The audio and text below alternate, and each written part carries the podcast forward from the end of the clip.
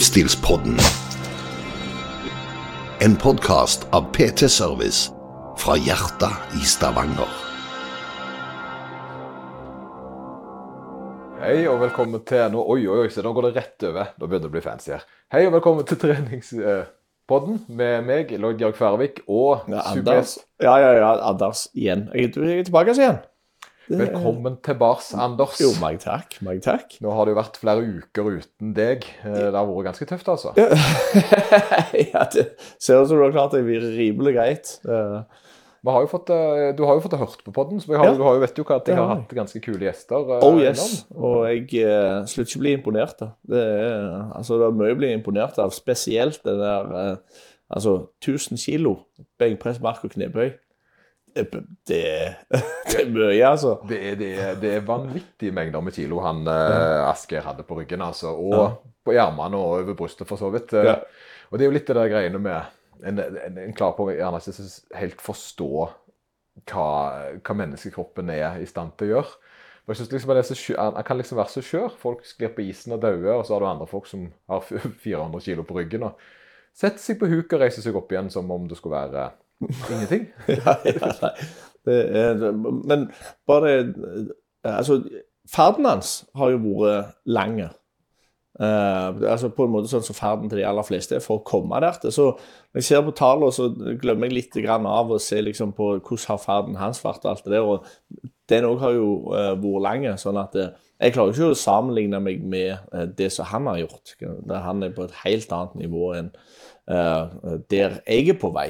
Eh, kan si. Men jeg har ikke det målet heller som han har. Ja, han har jo den, altså Intensjonen hans har jo hele livet vært å så, eh, bli sterkest mulig. Mm. Uh, og, og det løgna med det var, det var jo det han sa, at, eh, at han var jo i utgangspunktet en middelsmådig regionsløfter. Uh, og, men det er jo et beskjeden måte å si noe på, for det å være på et regionslag innebærer jo at du er best i regionen. Ja, ja stemmer det. Eh, Men likevel så er det jo det altså avstanden mellom da å løfte eh, på et regionslag i lille Norge, der du er tilknyttet en eller annen ja, altså sørvest, hva det måtte være, Østlandet, til da å på en måte være med og konkurrere om medalje i VM, er jo en ganske lang tur, da. Eh, Og han var jo på, på regionslaget i var det 2011, han sa? Jeg tror det var det. Eh, Og det er jo tolv år siden den han kom inn som på en måte en, egentlig et talent, men et hardt arbeidende talent. Mm. Og det setter jo det setter jo litt viktige ting på agendaen, nemlig det at det, kan, at det er ikke gjort over natta. Jeg, jeg, kjenner litt på det òg, for at jeg eh, Altså, mitt mål eh, altså styrkemessig det er hvis jeg, hvis jeg klarer å få 600, så da er jeg på en måte veldig, veldig fornøyd.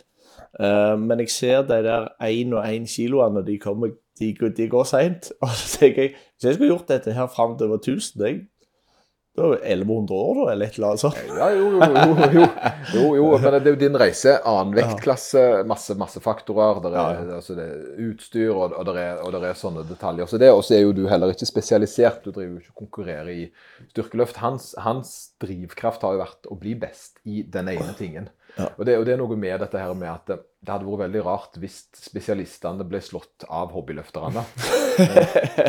ja. For, det er jo gjerne, selv om en er god, da, du, du er jo i kjempeform og er veldig flink å trene. Det er jo ikke, du, er jo, du er jo veldig god Altså, du, du er sterk, du har eh, utholdenhet, og du er, en sånn, du, og du er brannmann. Så du har på en måte klart, og de kravene som settes til brannmann, er jo ikke lette. Eh, Så sånn i forhold til folk flest, så, så kan en jo si eh, at en sitter seg på øvre delen av altså kvalifiseringer, hvis du vil. Hadde de ikke De hadde en eller annen sånn undersøkelse en eller annen gang. Hvor mye må du lufte for å være på øvre del av Jeg tror det var en topp 10 Topp 5, ja. Ja, ja. ja. fem. Men det, det er jo litt sånt. Det, dette her er sånn fin Dette er jo kjempebra. Fordi um, eh, altså for, Inn på trening- og livsstilspodden så snakker vi om ting som jeg og deg har gjort. Og det kan være at jeg da, f.eks. hvis jeg driver med styrkeløft, har vært med på VM i, i Duskinikinkai, eller hva det er, sant? i Litauen. Det var jo der jeg var for to uker siden. Og da, og da, tror det var det. Og da var jo jeg, eh, og var jo jeg eh, med verdens sterkeste mennesker. Ja. Jeg, jeg var jo det.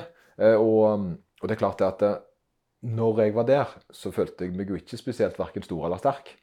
Og, men hvis det kun er i settinger der andre folk driver med dette, da, så er det klart at en måler seg gjerne opp mot det. Eh, men eh, når en da Nå husker jeg ikke tallene, men jeg mener det var 100 kilo i knebøy, 50 kilo i altså, sekt, altså, Nei, det var mer enn 50, men det var jeg tror ikke det var 150 markløft eller noe sånt. Og det, og da, og det, var, og det er 5% av befolkningen er i stand til de tallene der. Jeg husker ikke de eksakte tallene, men, mm. men hvis en trener aktivt, så ser en gjerne ikke veldig skremt på de tallene. Det var jo for menn, da, selvfølgelig. Men, uh, men hvis en ikke har trent før, så selvfølgelig. Og, og, hovedparten av mennesker på denne jordkloden her, de trener jo ikke styrke. Eh, sånn for å løfte mest mulig til de øvelsene. De er kanskje aktive på andre måter, de eh, gjør andre aktiviteter. Så, så, på, så hvis du skal når du da snevrer det inn i det lille, det lille vi holder på med, inni der, så, så blir det litt andre tall enn hvermannsen. Og Det husker jeg jo når jeg var på det sterkeste og største og veide 100, 130 pluss og var tungvekter i styrkeløft. Identiteten min dreide seg om å løfte masse. Eh, og så plutselig av en merkelig grunn så var jeg på kafé eh, med ei gammel venninne. Eh, og, da, og, da, da så jeg jo jeg så jo rar ut. Ikke, da skjønte jeg jo hvor stor jeg var i, i forhold til de andre eh, som var i det rommet. Det var gjerne vanlige altså, gutter og jenter som satt og drakk kaffe, og så satt jeg der da i 135 kilo. Og, og da, da, så jeg på en måte Da så jeg forskjellen, da. Men i, i det miljøet jeg var i, så var jeg jo helt vanlig. Helt ja. vanlig. Og, det, og, det, og da, når du blir tatt ut av det miljøet, det er da først gjerne du ser kontrastene. Men mm. når du er oppi noe, så blir du gjerne blend, blenda på det. Ja, er det, er det noe, på noe tidspunkt sånn at du eh, nesten hele tida ønsker å gå opp i vektklasse, eller? Ja, Det var veldig poppis før. og Det er jo litt morsomt, fordi eh, når jeg begynte med styrkeløft, så var det jo, det var det jo bare plussklassen som telte, som gutt. da. Og det var litt, jeg tror, jeg, tror, det var litt det som var skjermen med styrkeløft for min del. Det var jo det at den uh, Jeg var jo veldig glad i å spise, og jeg hadde, jo, jeg hadde litt lyst til å se ut som Arnold, men samtidig så var jeg veldig glad i smågodt. ja. så, så, jeg hadde på en måte en sånn intern, intern konflikt. Men, men Arnold ble det jo da ikke, men det var jo mye mer naturlig gjerne å begynne med, med ren styrkeløft. da. Og, så, og for det, der var det da mer prestisje i det å løfte mye. Og gjerne fordelen altså Å løfte mye innebar jo gjerne å veie mer. Så du fikk på en måte litt i posesekk at du da skulle spise for å bli sterkere. Ja. og så var det ikke så nøye om du egentlig hadde litt pondus, fordi det var Altså, en fikk jo eh, En ble jo speila litt mer på det en fikk til. Mm. Eh, det å løfte masse i benkpress f.eks. ga meg selvtillit. Og det ga meg bedre selvtillit det enn det flyktige å ha litt høy fettprosent. Eh, så jeg hadde på en måte en litt, ja, litt annet forhold til min egen selvtillit. da. Så, og, det, og, det, er jo en bra ting, og det tror jeg er ganske viktig. For det jeg opplevde som å være i den perioden jeg skulle drive med fitness, altså jeg skulle liksom bli litt muskuløs og se litt sånn eh, fitt ut, og det var et mm. ønske når jeg var i den reisen der, så ble jeg jo aldri fornøyd. Uh, og jeg så jo egentlig ikke sjøl objektivt sett hva form jeg var i, fordi med en gang jeg på en måte Altså, jeg ble, jeg ble blenda av egen reise, så, så, det var liksom ikke noe sånt tegn på at jeg, jeg, var aldri fornøyd. Så jeg vel si jeg var mindre fornøyd med kroppen min den perioden jeg egentlig gjerne var best trent sånn atletisk sett. Uh, fordi jeg hadde altfor lav selvtillit, og det var for flyktig, det, uh, det selvbildet. Det var yngre òg, selvfølgelig. Det er nok en stor faktor der òg. Men som styrkeløfter så fanga det meg inn, og så sa det det at uh, Det å være sterk gjelder. Og fordelen med å ha løfta noe tungt, det er det at uh, det er litt skrevet i stein. da. Har du løfta 200 kg i benk, så har du løfta 200 kg i benk. Har du vært godt trent, ja. så er det en flyktig sak. Det er litt sånn øyet som ser hva som er på en måte Mitt øye så aldri det på meg, i alle fall. Uh, egentlig så føler jeg meg faktisk mye bedre nå enn jeg gjorde den gangen hovedmålet mitt var å være godt trent. Så nå føler jeg faktisk at jeg har et mye mer bedre forhold til kroppen min, nettopp fordi jeg kombinerer styrkekondisjon og har en reise der jeg da har framgang på andre ting enn nettopp hvordan jeg ser ut. Ja, jeg tror det er viktig det, det, altså for min egen del og for uh, sikkert mange andre sin del òg, det å skille litt mellom altså tid er du Uh, fornøyd som i OK, nå, nå, er jeg fornøyd, nå, nå trenger jeg ikke gjøre mer, nå er det ferdig. Uh, og det å bare uh, Et annet ord kanskje for å godta og være fornøyd på den måten. Så være fornøyd i den prosessen han er i. Eh, For jeg har jo ennå ikke truffet noen som har gått på treningssenter og liksom kommet til et punkt og så liksom Jepp, der, nå, nå har jeg nådd perfeksjon, nå er jeg ferdig. Så jeg tror alle er i en prosess hele tida der alle har et eller annet de har lyst til å bli på en måte bedre i.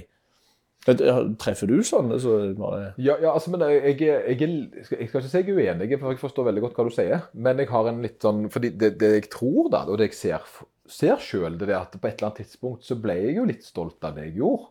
Det betyr ikke at jeg var fornøyd som at jeg skulle stoppe opp. Nå var det nok. Jeg er ferdig. Men jeg har opplevd at eh, OK, dette er ikke så gale, da. Jeg er OK i dette. At jeg kan på en måte godta hvor langt jeg er kommet. Og så er alt over det egentlig en bonus. Det har jeg klart å få til. Så, så det er ikke bare sånn at jeg alltid blir reven av den samme, samme driven til å bli bedre hele tida. At det er på en måte jeg er ikke god nok, jeg er ikke god nok. På et eller annet tidspunkt så har jeg jo faktisk følt at jeg er nettopp god nok. Og jeg har mer en reise der jeg syns det er gøy å se hvor langt eller hvor mye bedre jeg kan bli i en ting. Så, så da, og da blir det litt vekk fra selvbildet. Men jeg føler f.eks. så Masker, da, som da er sant, så sterk så sterk som han er. Eh, og for å bli sterkere enn han, da, så, så er det jo visse ting en er nødt til å være villig til å gjøre. Det er jo hemmeligheten, da.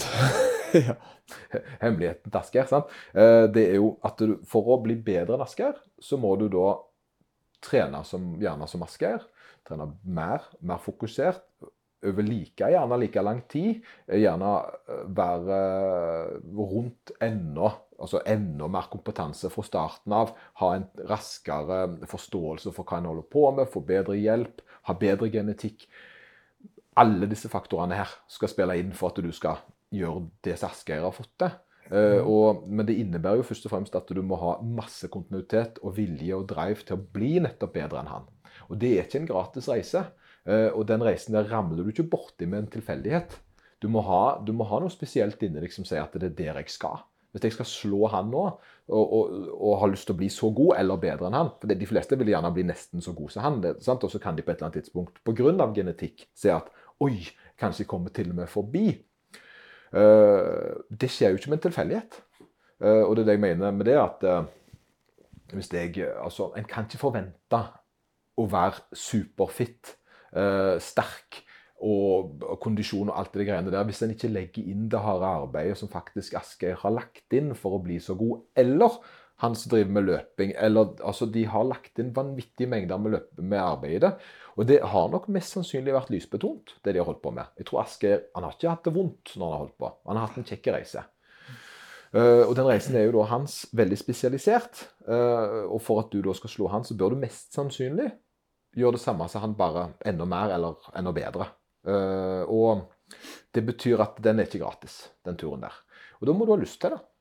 Og da er det litt sånn dumt, hvis den, og det som ofte skjer, det er at åh, jeg har lyst til å bli sånn og sånn, og litt sjalu da på hva de har fått til, gjerne. Men så er du ikke villig til å legge inn arbeidet. Eh, og det er den feilen folk gjerne eh, ikke kommer på. Det er at OK, for å få til målet mitt, så må jeg enten ha et mål som passer overens med hva jeg er villig til å putte inn i det, Ja. eller øke innsatsen. For det er jo så enkelt. Eh, Jeg kan ikke forvente at jeg skal bli, bli, skal bli så og så god i løping hvis jeg ikke legger inn arbeidet med løping. Det kommer jo ikke til å gi meg resultater, da. Eh, Så så jeg er nødt til å gjøre den innsatsen, og det er en fordel om den innsatsen faktisk føles forholdsvis eh, belønnende. Det det. alle kan vel ikke eh, bli så sterke selv om de legger inn samme mengden arbeid som han har lagt inn? Nei, det kan de ikke. Og det, det, det var det Olav sa. For det, jeg snakket jo med toppidrettssjefen uka før. eh, i, i, på lugaren min i Oi, oi, oi. det, det hørtes litt sånn ut. eh, men jeg prøvde så godt jeg kunne å fikse lyden og alt dette her. Da. Det, men eh, men eh, det, viktigste var jo informasjonen informasjon der. Og han sa i forhold altså med, tanke på benkpress spesielt, så, så, kom han jo, så ga han jo egentlig ganske bra feedback på det. Han sa det at eh, for å bli best mulig benk, så er det en fordel å ha naturen på de sida. Korte armer, stor brystkasse, eh, genetikk. Mm. Og det er klart at for da, og det samme gjelder du egentlig for slå Asker, så må du jo gjerne da, da, da, gjerne ha bedre genetikk enn Asker, for det første, og vilje og driv, drivkraft. For du kommer jo det, Og dette er en sånn ting jeg har sett som jeg ikke har noe sånn eh, Har noe bevis på. Men det er iallfall en erfaring jeg har opparbeidet meg over mange, mange år som trener. Og I styrkeløft så har du da vektklasser og alderstrinn. eh, Og så har du ungdom, det er de til de blir 18. Eh, Og ungdommene til de blir 18, eh, der er det veldig mye rart. For det er fra 18 til 23 så begynner de egentlig å bli litt unge menn eller damer. Det begynner på en måte en lang reise. Men de som eh, er 17-18 år, der er det veldig mye forskjellig. Og da, da vil jeg si at det er to sorter som stikker seg ut, som jeg på en måte kan kartlegge eller kategorisere de. Det ene er eh, naturtalentene, og det andre er treningstalentene. Eh, og En ser ofte at naturtalentene de kommer inn som 17-åringer og gjør det vanvittig bra i styrkeløft. eh, 17-18 år. Setter norgesrekorder, de er råskinn, de er rå, de har en veldig bra fysikk, mye muskler. Det er folk som har fått mye gratis eh, pga. hormoner, pga. hvordan de er skrudd sammen. Så du, men så har du treningstalentene bak. da. De er gjerne ikke så gode når de er 17-18. Men de fortsetter. Så treningstalentene de fortsetter. Så en ser gjerne at naturtalentene de blir gode på ungdom. Kanskje til og med junior. De sklir inn i junior og klarer å få det til litt i junior, men så faller de av. Treningstalentene de er ikke gode som ungdom, men kanskje de begynner å bli bedre og bedre inn i junior. Og kanskje til og med så kommer de seg opp på åpen, sånn som Asker. Asker er et treningstalent. Han har trent og trent og trent. Og trent. Eh, og så har han da blitt bedre og bedre og bedre, og bedre, mens naturtalentene bare poff, poff, poff. Så han fortsatt og fortsatt.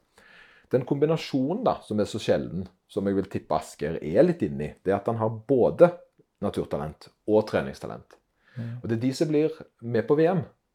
Sant? Så jeg ville nesten sagt sånn naturtalent, NM, treningstalent, EM. Begge delene, de sjeldne super som har både trening og natur, VM. En, sant? Men så kommer det jo treningstalenter som klatrer inn i VM òg etter 20 år. Så det er jo øh, det. Er jo det jo. Så, men det er min oppfatning av den saken der. Og da, tenker jeg at ja, det er treningstalent, det er naturtalent, det er fysikk, det er alle mulige ting. Men en kan Reisen for noen er mye kortere, men poffer fortere ut. Mens andre igjen de har en lang, lang lang reise som er veldig, veldig uh, sakte, men gir da en uh, stor gevinst til slutt. Ja. Altså, jeg, jeg tror jeg er enig, for det, altså, det, det som jeg tenkte på altså, når det handler om eh, selve den reisen, og om du er fornøyd, når er du fornøyd, er du ferdig noen gang, eh, alle de tingene, det, der, det prøvde å si, er egentlig det samme, at eh, vi blir ikke fornøyde, men vi er på en måte er fornøyde. At folk, folk bør prøve å være fornøyde med der de er, egentlig fra starten av, for det at i dag er bedre enn i går. Også, men de har et mål som de ønsker å oppnå. Og på en måte eh, Hva er det målet? Altså, jo, det er et langsiktig mål, og så er det en haug med delmål for å komme til dette langsiktige målet. da. Og så er det på en måte eh, sånn som så, altså, Asgeir og mange andre eh, på en måte liker veldig godt ferden. Liker godt og er fornøyde med der de er nå. Og det kan egentlig starte fra starten av det. Folk kan jo være fornøyde fra starten av. Men så er det når du når målet, da, så er det på, altså hvis du har et langsiktig mål, så er jeg på en måte rimelig sikker på at eh, selv om folk når det målet, så setter de nye mål. På en måte, sånn at folk hele tiden, folk er ikke ferdige, er det jeg prøver å si. Nei, jeg er helt enig. Helt enig. Ja, jo, Ja. Det er bra du kvalifiserer Klarifisere er det et ord? Vi prøver, vi går for det. Ja. Men jeg, og, og ja, nei, jeg, men, jeg, men jeg er helt enig i det at um, eh, Men jeg, jeg tror i starten så er en gjerne ikke for rett grunnlag. En er for bare ytre motivasjon. En føler en må. En må fordi noen gjør det, andre gjør det. En skal oppnå et eller annet. En tror en vet ikke hva en vil oppnå med det. Men etter hvert så finner en gjerne en sånn purpose oppi dette, en sånn mening som, som gjør at en fortsetter å gjøre det. da. Og for noen da så blir det en spesialisering, som da kan være at en vil i idretten. For andre så blir det jo kjekt å være godt trent, kjekt å treffe folk. Det blir en sosial arena. Og det er like viktig, det. Så idrett og sport og sånt er jo gjerne ikke uh, alltid svaret, sånn sett, da. Det, jeg hadde en liten artig samtale i går om det. Uh, med meg? med deg? Ja, nei, det var før deg. Oh, ja, i går. ja. I går spilte vi jo uh, Vi spilte jo Diablo i går. Oh, yeah. I tilfelle Aske hører på, så, Nice. så var det jo hva, hva figur var du i går? Nei, i går var jeg en sorcerer. Det, og jeg var da, jeg er da en eh, rogue. ja. så, så og vi redder jo verden med jevne mellomrom på tirsdagskveldene. Ja, jo, stemmer det. Det har blitt litt oftere nå enn det det var før. ja, vi har blitt For gode på det. Ja, vi har- tatt opp igjen.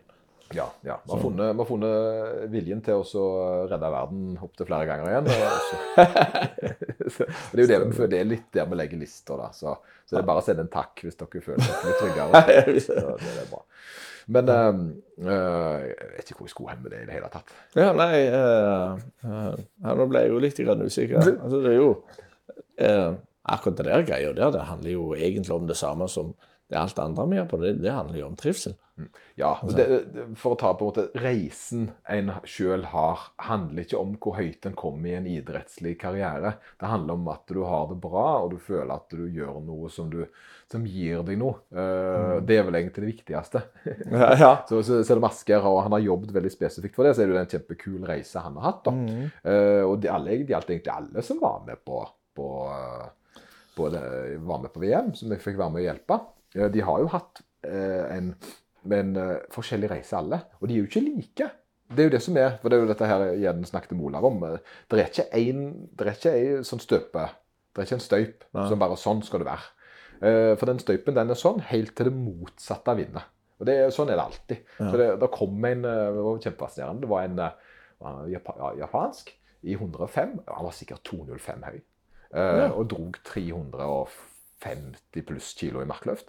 Eh, og um, han skulle ikke, eh, skulle ikke være i den vektklassen. Han var altfor høy til det. Og det er noe med det. Asker er i utgangspunktet større enn de andre i sin vektklasse, så han vurderer jo da å gå opp fordi han skal fylle. Men her har du en som er enda høyere, men likevel da bare Nei, han var best i det.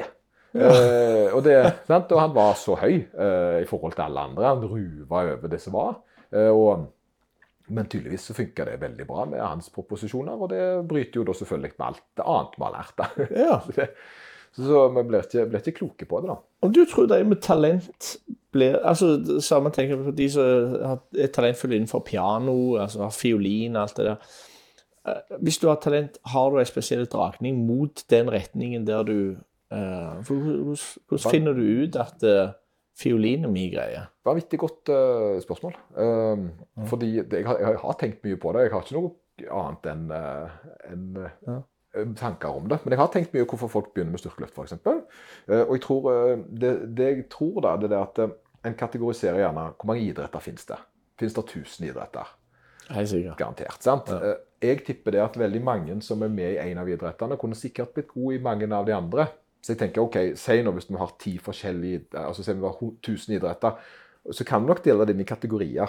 Styrke eh, eller utholdenhet. Og så 1, 2, 3, 4 nivåmessig. Så det er noen som har, eh, da selvfølgelig kan bli veldig gode basketballspillere fordi de har visse forutsetninger til det. Og gjette hva. Eh, Lange. Eh, ja. Men de kan òg Du hadde rett. Jeg hadde rett ja. Eh, Men de kan òg bli gode i andre ting, som volleyball. Eh.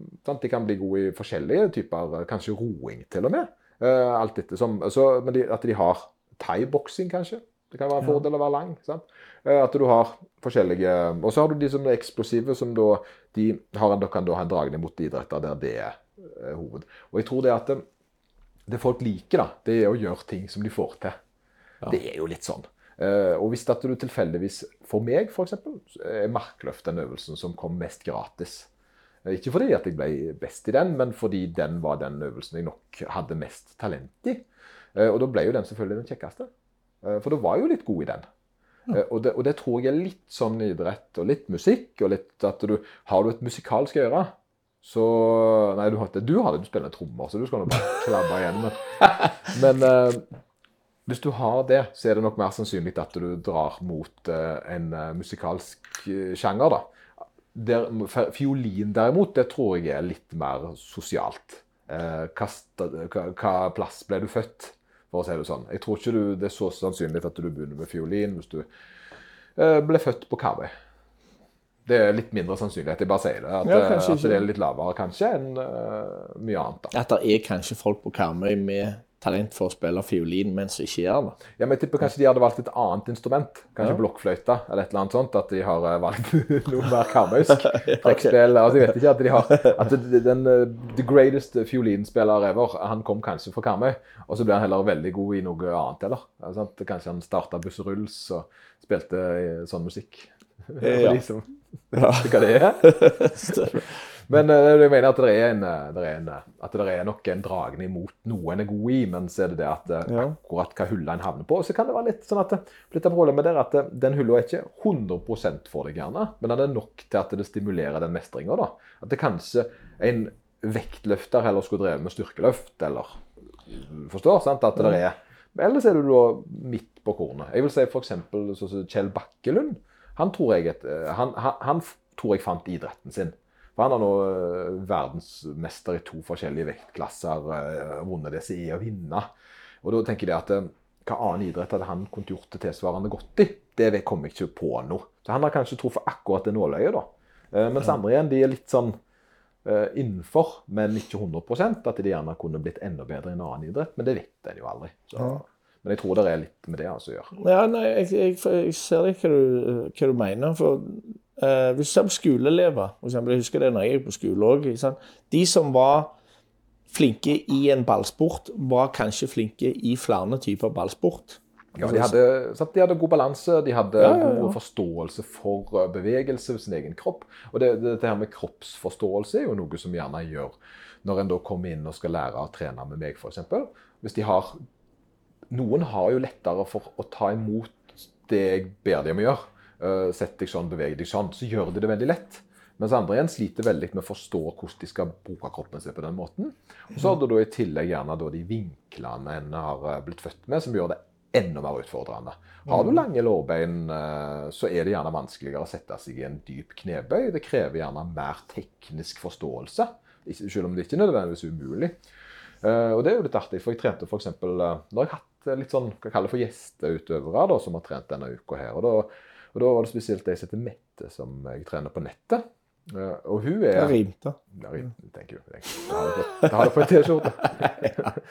Hun har eh, den typiske jeg vil si, eh, Og det sa jeg jo til henne òg. det, det, det å kommentere kroppen til folk, det er jo på en måte, jeg må gjerne spesialisere, altså jeg må forklare litt hva jeg mener. For det hun har, er gjerne litt lang overkropp og litt korte bein i forhold da til andre mennesker som gjerne har, sånn som meg, som har kort overkropp, lange armer og bein. Så jeg har på en måte helt motsatte. For det gjør at hun da, hun kan sitte veldig oppreist eh, når hun gjør knebøy. Fordi lårbena lårbeina hennes går ikke så langt ut fra kroppen. Og Det betyr at når hun setter seg ned, så har hun veldig liten belastningsgrad på korsrygg spesielt, og at du da på en måte ryggraden blir presset mer nedover enn på skrå framover. Det høres litt sånn rart ut når du sier det, men en av fordelene med sånt da, det er at vinklene blir aldri så voldsomme, så det betyr at hun gjerne tåler mer trening i utgangspunktet i tillegg. Fordi hun har mindre ytterkantsposisjoner som gir henne mer belastning. Så hun har da en fysikk som øh, kanskje kan være optimal for iallfall vektløfting. For vektløfting handler jo om å komme under stanga, og jo lengre vekt du må fra stanga for å klare å altså, eh, reise deg opp i en markløft, jo vanskeligere er det å utføre et rykk og et støt. Det går an for det. Det er unntak, selvfølgelig, men den fysikken der passer veldig godt til det. Så hun har da en fysikk som passer veldig godt til spesifikke ting der, da.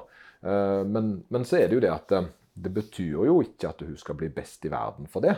Eh, Det betyr gjerne bare at du, eh, at du har et godt utgangspunkt i akkurat det hun holder på med, men hun kunne gjerne vært god i andre ting òg. Jo spennende, syns jeg. da, sånt.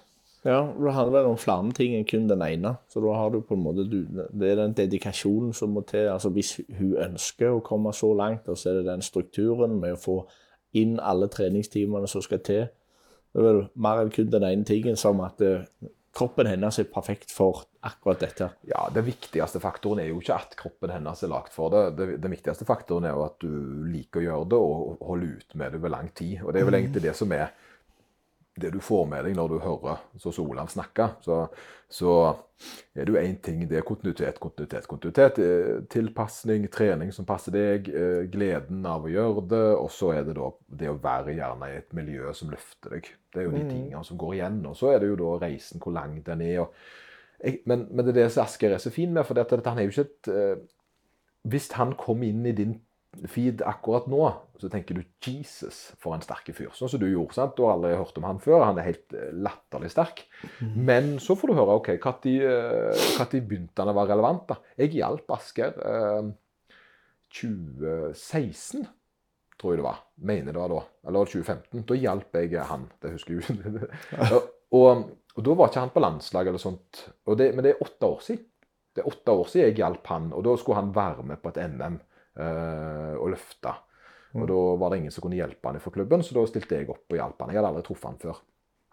Eh, men da hadde han, og da var han ganske sterk. Eh, før det så har han da løfta sant? fem år før det, ti år før det. Så han har jo en reise som men, Så jeg hadde, jeg hadde han på radaren, det jeg sier, fordi jeg har truffet han en gang. Men for noen så kommer han inn, og så er det sånn Poff, så var han der. Og så tenker de at han alltid har vært sånn. Men han har jo ikke det. Han har hatt en reise han, som egentlig har kosta han veldig mye arbeid og veldig mye tid. Mm. Uh, og det er den som uh, på en måte gjerne en går litt blind på når en da blir litt sjalu, da. Ja. For det, det er litt med det at en gjerne heller skal bare være imponert over hvor mye tid folk har lagt ned i det. Og så wow, så imponerende det er når folk faktisk virkelig bruker tid og vilje på å så få til noe. Det er jo det det handler om. Ja, det tror jeg egentlig gjelder over hele linja. Hvis noen får til noe veldig bra, så ligger det ofte en del tid bak det. Så jeg tror det er viktig å se, at, uh, se helheten, og ikke bare hvor status er akkurat nå. For det er ikke sånn at uh, han eller noen andre kom inn, og så gjorde de det bare bra den dagen. det er på en måte noe som har vokst over sikkert veldig lang tid for de aller fleste. Det er ikke bare styrkeløft, eller de andre tingene òg. Altså, Uh, springing, altså de som springer veldig fort, de springer veldig langt. alt Det tonnevis. Det der Ingebrigtsen-programmet som gikk på TV tidligere, så der fikk vi jo litt innblikk i hva som egentlig ligger bak. Det er liksom, ja, Her er det en del som ligger Ja, ja, det er det jo eh, både sånn, om ting vi skal snakke om, og ting vi ikke skal snakke om, gjerne. Men, ja. men eh, viktigst av alt så har det lagt utallige timer med løping. Ja, det har det jeg mente. Uh, mange timer. Mm. Og de løper, og det er det som er det litt den ser gjerne hvis en skal måle seg sjøl opp mot innsatsen de legger ned i det, så er det gjerne litt fortjent at, uh, at eh, de er så gode. Men selvfølgelig, da, eh, når en da starter å løpe rundt Mosvannet og bruker 25 minutter på det, og det er tre kilometer langt, Mm. så, så føler en seg gjerne som om det er så sinnssykt langt opp til noe som helst. Men det starta jo for de aller, aller fleste med et eller annet vann. Og så ble det jo ball på seg. Jeg husker jo sjøl jeg var kjempestolt av å springe tre kilometer. Og og nå er det ikke så mye mer. Det er på en måte Jeg springer ikke lenger enn 3 km løpetur. Eh, Jeg springer gjerne en, eh, mellom 10 og 20 på de faste rutene mine. Og det, det er normalt for meg, men igjen, det er mye for noen, og så er det lite for andre. Mm. Og det er jo litt sånn at det er jeg er. Men, men hvis jeg skal på en måte sette meg inn i mitt kart, så er jeg fornøyd med det. Og så prøver jeg å bli litt bedre og spesialisere meg litt og alle disse tingene. da. Så det er litt, litt men, gøy. men la oss si den første tre kilometeren, eller før du kom til tre kilometer, den første gangen du, du begynte, eh, var du ikke fornøyd med å ha fullført? Jeg var kjempestolt. Ja, var kjempestolt, Men eh, litt av fordelen min eh, med akkurat det med å løpe, det var at eh, ja, Det kom noen til meg i går. Og så sier de og, For de så nøye, for jeg løpte på mølla, og så var det tilfeldigvis litt intervaller. For jeg skal jo slå Jevgen. Det er jo det som alt handler om nå. Et juleløp her jeg skal slå han i. Jeg er gått på slank. Alt for å bli bedre enn han på et uh, juleløp. Julekuler. Ja, ja. så, men eh, og, og da sprang jeg på intervall, og så syntes hun at det liksom Oi, du sprang fort, og du sprang mye. og det, sant? Da var jeg på 11.-12. kilometeren. da. Og, for hun hadde aldri funnet gleden i løping. Eh, og, da, og da tilbød jeg, når jeg sa det til henne, og jeg, jeg håper hun hører på, for jeg tror faktisk hun gjør det, Uh, så eh, var jeg jo utfordrende til at jo, jeg skal faktisk klare å lære deg å like å løpe. Mm. For feilen alle gjør, er jo da at de gjerne ser meg, eller noen som mest sannsynlig er mye bedre enn meg, som springer på mølla så fort. Og så tror de at det er litt sånn det skal være. Eh, og så skjønner de ikke at det jeg holdt på med der, det var én treningstur som var planlagt akkurat den dagen der, som skal være spesialisering for å løpe og slå Jevgen.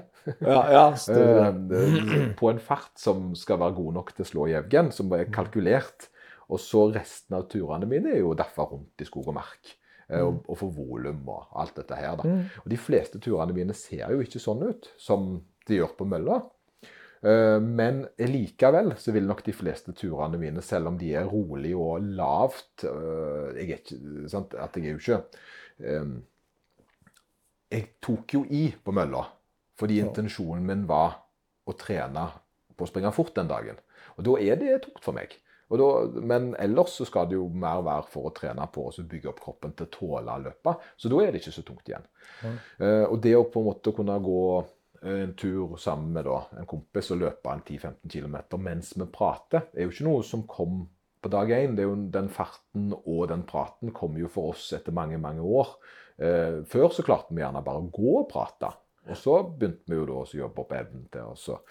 Så det som folk da gjør, det er at de sammenligner seg med, gjerne med folk som har holdt på oss x antall år å løpe, og det ser så lett ut. Mm. Og så tror de at den farten de holder på med, skal være det de skal. Men så er det da den reisen bak for meg. Jeg, jeg husker jo de sier, jeg husker at jeg eh, løpte rundt Mosen, og jeg ble jo forbiløpt av folk som gikk. ja. Gjorde det. Ja. Fordi jeg måtte jeg, eh, Min treningsfilosofi er ikke stopp.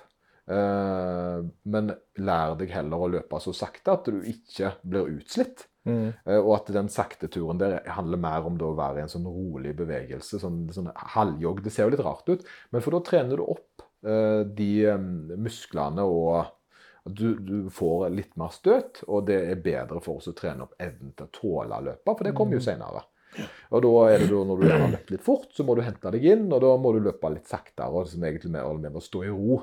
Mm. For det, jeg, jeg stoppet ikke opp, og så starta jeg igjen før det hadde gått mange år. For jeg var livredd for at hvis jeg først stoppet en dag, så, så ville jeg liksom ikke klare å komme i gang med løpinga. Så jeg bygde meg egentlig opp en sånn god evne på å lære meg å være i flyt.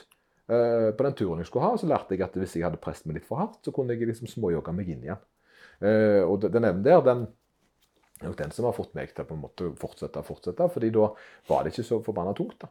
Nei, eh, jeg husker Og sånn er det ennå. På skolen så har vi på en måte Cooper-test, og så har vi 3000 meter-test, og så kommer Forsvaret eller videregående hvis du går med noe idrett der, så du får forskjellige tester. Eh, Forsvaret så har du 3000 meter-test, 5000 meter-test, så har du tremila, og så har du Jegermarsjen. Og alt en test. Hvor fort klarer du dette her?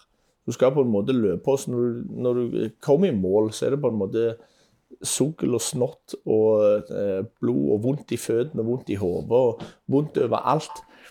Hvis, dette, hvis de tre kilometerne der hvor du skal springe så fort du kan, er på en måte de treningsøkt, så ser jeg for meg at det, det er ikke kjekt veldig lenge. Nei, det er jo nettopp det folk gjør feil. Det er jo det at de forstår ikke at de må finne sin sin uh, kapasitet. Mm. Og Det samme gjelder jo med styrketrening for så vidt også, At det, det, folk har jo en tendens til å uh, trene for hardt for mye. Uh, og gjerne overkompensere for den tida de ikke har trent. Og da, når de da starter reisen sin, så er de da på seks dager i uka.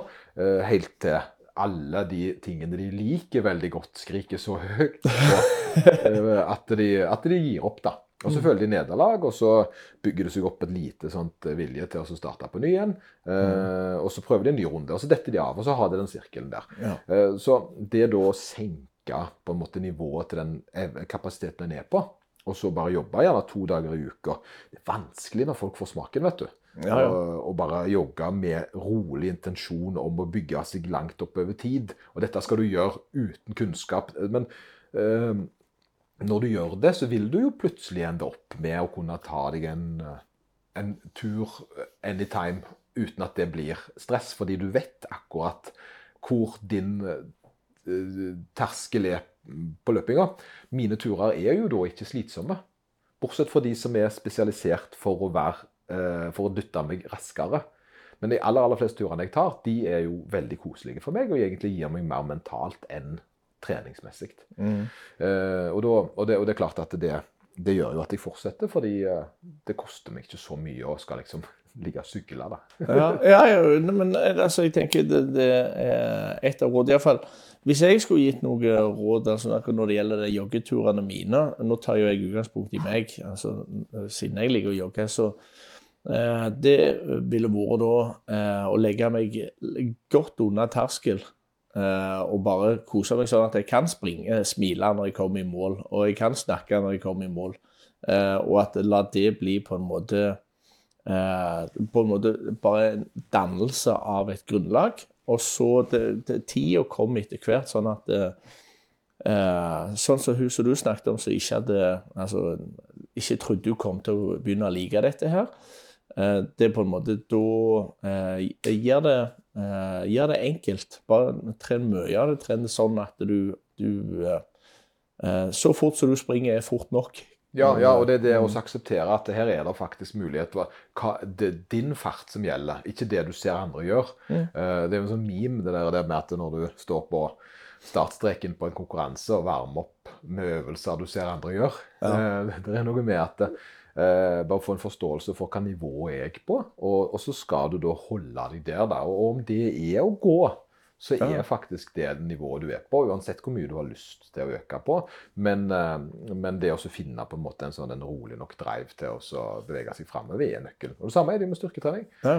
Så det, eh, når du da får, eh, du da får forståelse for det, så vil det da være faktisk mulig å gå ut og ha seg en tur uten at du liksom åh, nå skal jeg gjøre det igjen. ja, stemmer det. det ikke gjør det grusomt for deg sjøl. Ja, det, det er det løpet er til for, Ja. for min del. Og de løpene har jeg ikke så mange av. Uh, Ja, jeg er med i mye konkurranser, men det er jo nesten kun da jeg tester formen. Uh, Det er da under de uh, Og folk trenger ikke løp for å teste formen, men jeg syns det er litt gøy å ha litt seremonien og gjøre det litt stas. Ja, ja. Litt sånn, litt sånn artig. Så det, det er derfor jeg på en måte Men jeg springer jo ikke sånn til hverdags som jeg gjør i konkurranse. Nei? For det, det er Nei, jeg tror de aller færreste gjør vel det. ja, de som, de som vil bli god langsiktig, de, gjør, eh, de trener på å bli bedre. Og så har de da opplegg som gjør at de er best på dagen det gjelder. Mens eh, da en, eh, mens da en, en person som gjerne nettopp har starta, har innbilning om at den eneste løsningen her er å gi alt hver gang. Og da, da mister du fort. Da hadde jeg mista motivasjon. Ja. Og, Ja, det, ja. og det merker jeg jo sånn som f.eks. når jeg var vekkreist en hel uke, og det var forpliktelser, eh, men òg jobb. Og så var det jo det var både leisure, altså forpliktelser sosialt og forpliktelser i arbeid. Samtidig som jeg hadde da ting jeg måtte gjøre eh, på PC-en. Og så skulle jeg på en måte prøve å presse inn treninga imellom der. Eh, det er ikke alltid lett når alt er sinnssykt travelt. Eh, og, og jeg tenker det at For meg så er det jo en vilje om å gjøre det, som gjør, fordi jeg skal oppnå noe, som er veldig viktig. At jeg får det til. Men jeg tror for aller aller fleste er det at de, hvis du putter for mye inn fra starten av, så ofrer de for mye av det livet som de egentlig trives veldig godt i, og så blir det en sånn en vektskål som er veldig mye på negativen, og så mister de motivasjon. Så jeg tror ofte at løsningen er mindre. Mindre, men fast. Kontinuitet, det betyr jo at du gjør noe fast, men at du ikke gjør det så ofte at du aldri klarer å fullføre alt du har satt deg opp til å gjøre. Jeg ser hvis folk har fire dager på treningsprogrammet sitt, men alltid trener tre, så føler de alltid at uka ikke var god nok. Ja. Men hvis de da bare har tre økter, så har de jo alltid suksess. Ja. Det er jo så enkelt. ja. Eh, Og det, og det er sånn som jeg lærer folk når jeg skal få dem til å så trene programmer. og De kommer og de skal trene. Hva er det de får best effekt av? Så alltid ned en dag. Alltid ned en dag. Og så sier jeg du kan heller få en bonusdag, som du da kan gjøre hvis at du føler du har et overskudd og vil gjøre noe ekstra. Og den rører de aldri. Den er ikke forplikta, sant? Den er ikke forplikta. Så, det, så det, det er en liten, liten tips der, da. Ja.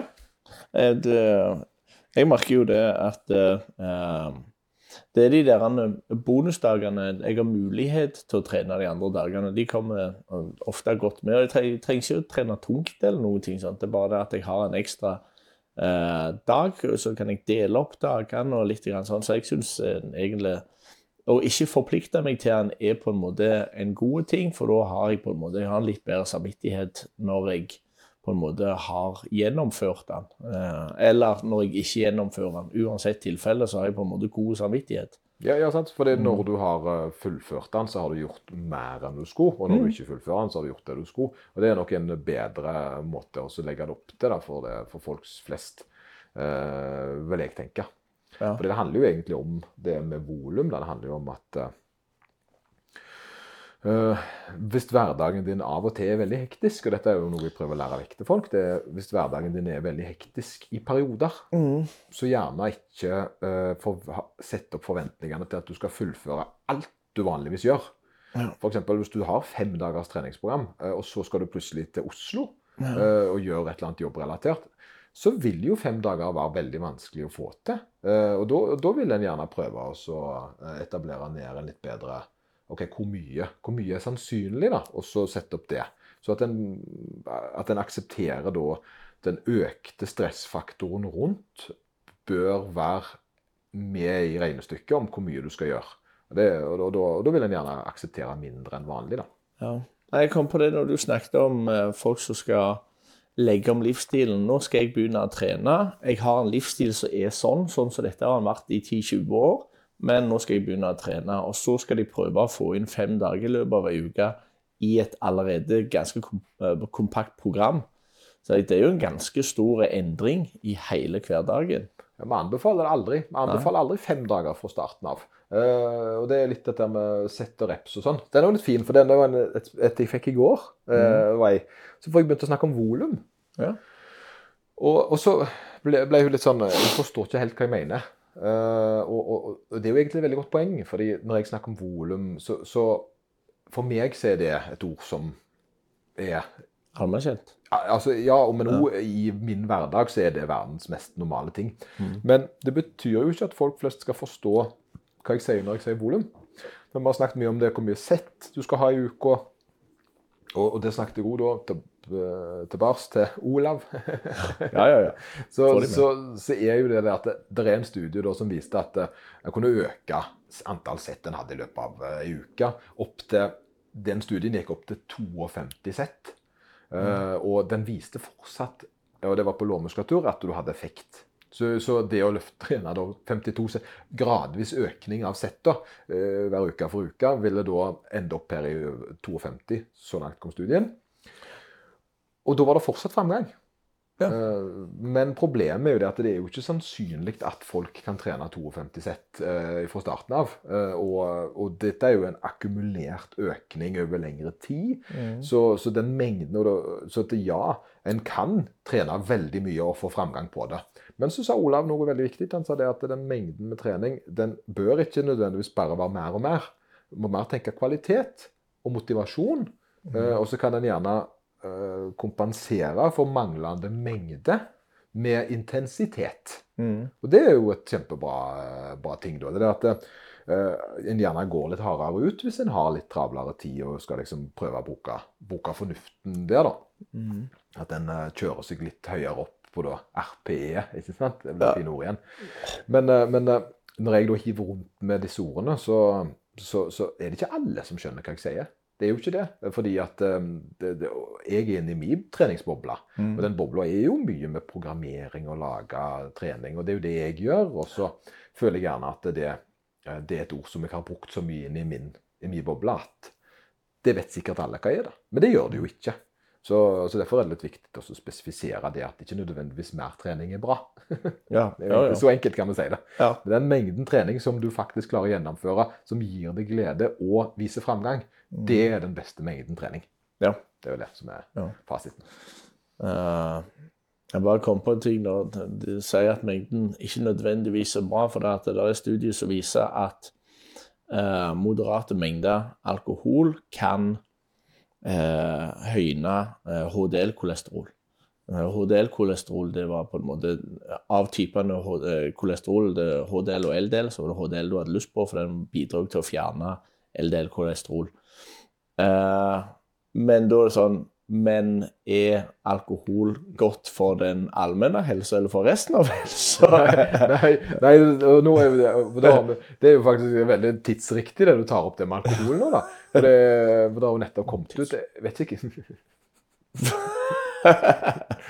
Folk får, eh, folk får godt etter hva som skjer mellom, eh, mellom ordene, mellom setningene av og til. Men det som er, det er at eh, da kommer nettopp ut en sånn men Jeg vet ikke helt hvor anbefalingen er fra. Om det var norsk anbefaling, eller om det var WHO, vår, vår venn WHO, eller hvor det var. Jeg er litt usikker. Men det var iallfall det at eh, ingen alkohol var bra. De har satt, eh, satt mengden alkohol som er sunt, på null. Ja. De har det. Eh, og, og hva er din tanke når du hører det? Nei, altså, da snakker du om fysiske helse. Eh, altså, da eh, ser vi vekk ifra ting som det kanskje kan bidra til. Eh, men vi ser jo helt vekk ifra psykiske helser til folk. Og vi ser jo helt vekk ifra det sosiale livet til folk. Så jeg tenker hvis du bare skulle kutte ned til null med en gang, så er det en livsstilsendring for ganske mange. Der er kanskje en endring i det sosiale mønsteret til folk.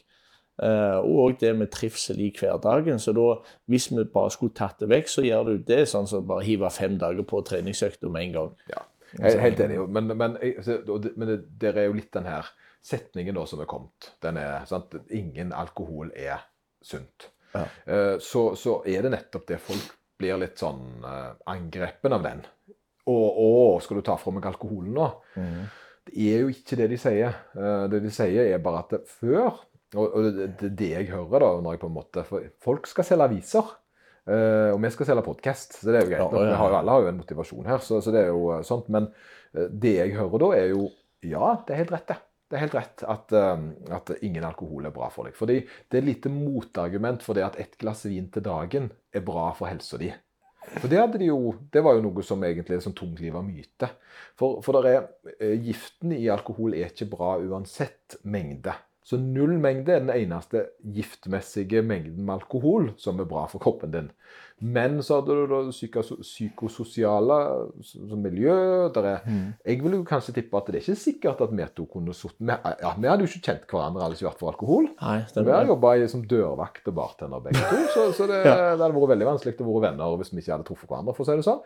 Det er godt mulig å gå så langt og si at kanskje en av oss ikke var født hvis det var for alkohol.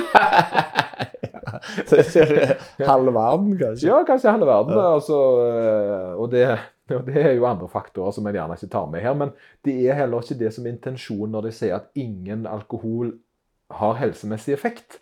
Det betyr ikke at den ikke har noe fordeler. Eh, For det har han jo. Eh, Jeg synker jo litt ekstra i stolen gjerne. Jeg har på en måte litt det er mye jeg har lettere prat, kanskje jeg får snakket ut om ting som gjerne hadde sittet litt hardere inne hvis jeg ikke hadde. Så av og til en sjelden gang iblant så, så har den faktisk litt sånn psykisk bra effekter på meg. Men nettopp, det er ikke det de sier. Er helsa. Den fysiske helsa. Og der har vi poenget. ikke sant? Og En kan da gjerne bare forstå det med en gang, at ja, det er ikke lurt eh, for helsa. Men det er ikke bacon heller. Nei, det er vel kategori 1 på kreft. Kategori 1. Ja.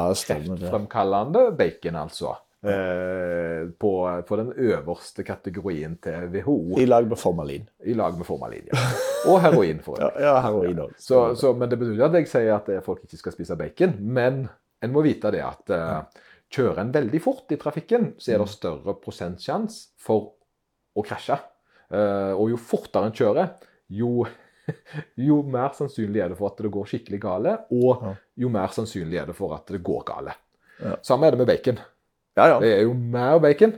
Jo mer bacon du har, jo større uh, risiko setter du deg sjøl ut for. Hvor mye snakker vi før altså, jeg noe mener å ha hørt nå, men dette er, det at det er per 50 gram, så er det en eller annen viss økning. Så det er jo det igjen at det er ikke all bacon, det er jo en mengde bacon som stiger opp her. Ja, jo, jo, men det er bare i uka, da. Kan jeg, altså, fem kilo, er det greit, det? Det er greit, men det er ikke lurt. okay. Ok. 800 gram til dagen, det er nok mye bacon som utgangspunkt. Det bryter jo med de 350 gram med, med rødt kjøtt, gjerne, så du er Ja, jo, ja. det, er mye faktorer her som på en måte blåser inn, men, men, eh, men eh, det betyr jo så å si, den prosenten da, andelen av ei øl i forhold da, eller sammenlignet, jeg har aldri brukt det ordet riktig, sammenlignet med tolv øl. Ja. Så hva er verst? Jo, selvfølgelig det er mer verre. Og det er jo det det handler om der. da. Det er at eh, Moderasjon er alltid nøkkelen på ting som gjerne ikke har noe særdeles gode helsemessige effekter. Ja, ja, ja, ja. Altså, den, da er igjen den fysiske helsa Fysisk elsker. Ja. Jo, jo, men det hvor stor sannsynligheten er- for at jeg går bort og snakker med hun på ei øl? Den er sånn, Nei, det er ikke veldig stor. Tolv øl? Yes, da skal det snakkes. Ja, jo, jo, men det er den der vippeffekten nå. Det er liksom, hvor Ja. er du mest sjarmerende, da? Er du på én eller tolv? Det er en mellomting. Tolv. I Joltedal, så er det kun klampen i bånn. da, da er du vinner. Du vinner ikke før du Tolv er ikke Altså, du skal ikke gi mening, for å si det sånn. Det er, jo, men det er da kanskje da du snakker beste språket. Det er ikke lett å si heller. Jeg har ikke peiling. Men, iallfall altså det, Og jeg tror nok eh, WHO, hvis det er de som har gitt ut den her greia, de- har nok skilt på det, og de har nok eh, vært eh, spesifikke nok til å si at dette er snakk om den kroppslige helsa. Altså, for at når de eh, når de definerer helse, så definerer, definerer de helse som fysisk og psykisk. Og jeg tror kanskje også sosialt er inni det. Ja. den psykiske helsa. Det Ja, ja, for det er nok, sånn. jeg mistenker nok at når du begynner å lese, så ser du det at OK, det Ja. er nettopp det. At det er disse her, eh, disse her Null gift er faktisk bedre enn litt gift. Helt riktig. Ja, okay. Ja, det er nok det som er. Men det selger ikke aviser. Det Skulle tatt en eller annen form for gift og så skrevet det samme. Sånn Antrax null. Antrax er faktisk bedre enn litt. Ja, det, det, det, det, er, er sikkert noen som mener at, det, at spenningen overgår eh, Ja, det neste. det meste. Da. Det er uvisst å si. Eh, til syvende og sist så var det vel en ting til. Det var den studien eh, som vi snakket litt om i går. For det er jo det vi gjør når vi spiller og redder verden i Diablo. Uh, hvor olivenolje, extra virgin Extra olive oil virgin ja. Extra virgin olive oil eh, har de da mistanke om. Det var en studie som gikk gjennom det. Altså de gikk gjennom og så så middelhavsdietten, som blir beregna på å være det sunne, det bra. Livets Altså, hvordan kan du leve lenge? Jo, du skal spise middelhavsdietten. Den er bra. Og så lurte de, fant de ut at gjerne faktisk at selve årsaken til den er så god, den bæres nesten alene på oliven og olivenoljer. Så den her, den har eh, de gode effektene, som da eh, senking av kolesterol. Eh, H, ja, LDL. Og, Og? så eh, høyner den eh, HDL-kolesterol og i lag med trening òg, da. Ja, selvfølgelig trening er jo det, mm. men du spiser ikke, du, spiser, du trener ikke med olivenolje. Altså, du kan, kanskje hvis du klatrer opp. Men, eh, men oliven eh, er jo da bra for deg, er vel egentlig det som er greia. da, Og da olivenolje, veldig bra for deg. Og det er de- faktisk nesten så bra for deg, kanskje, at det er årsaken til at middelhavsdietten er sett på som så sunn og fine. Så det er jo litt sånn eh, fun fact. eh, Ja, ja, ja, så nå er det på en måte extra virgin olive oil. ja, en måte Er vi sponsa? Ja? Nå kommer han, nå kommer han snikende opp her nå. Sånn, oi, det var det. Oi, hello, hello. Men, eh, men det var iallfall en sånn avslutningsvis. Nå har vi ikke lagt eh, de flotte kapitlene ennå, som vi skulle. Vi skulle lage noen kapitler. Ja, stemmer. Men, eh, men det kommer. Vi har iallfall klart å fikse introen bitte litt. Og nå begynner det kommer, Kanskje neste uke så blir det litt sånn fancy kapittelgreier. Men, eh, men det, har vært, det har vært hektisk. Det har vært NM. Ja. NM i Ja, styrkeløft. visst. Uh, imellom eh, VM og mm. sist vi snakket, så har det altså vært NM for veteraner i styrkeløft. Uh, og Det var det en løfter jeg hjalp, som, uh, som jeg trener, som fikk gull. Og så var det ei som fikk sølv. Så det syns jeg jo var litt kult. da. Og det var helga mi. Ja, og Helga mi går mer på livsstil enn det er på trening. Det har vært utdrikkingslag, og det har vært altså, Ja, bare komme over det og hva komme gjennom det.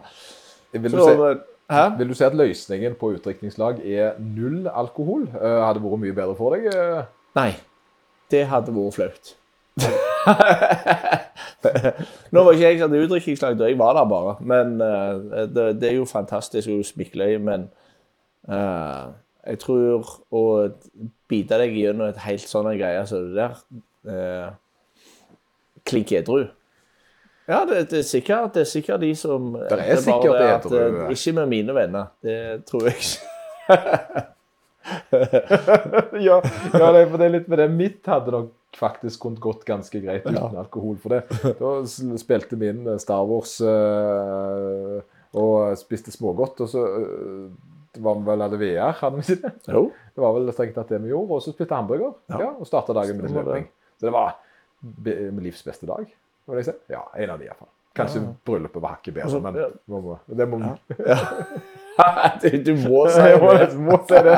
Jo, jo. Det men da hadde jeg jo sjokoladefont sjokoladefontene i bryllupet, så det var jo ikke Stemmer det. det var jo, det var jo ikke bare negative ting der heller. Nei, det var det. Var, det var bror. Men for å avslutte dagens eh, herlige episode, så får vi se hva eh, spennende vi finner på til neste.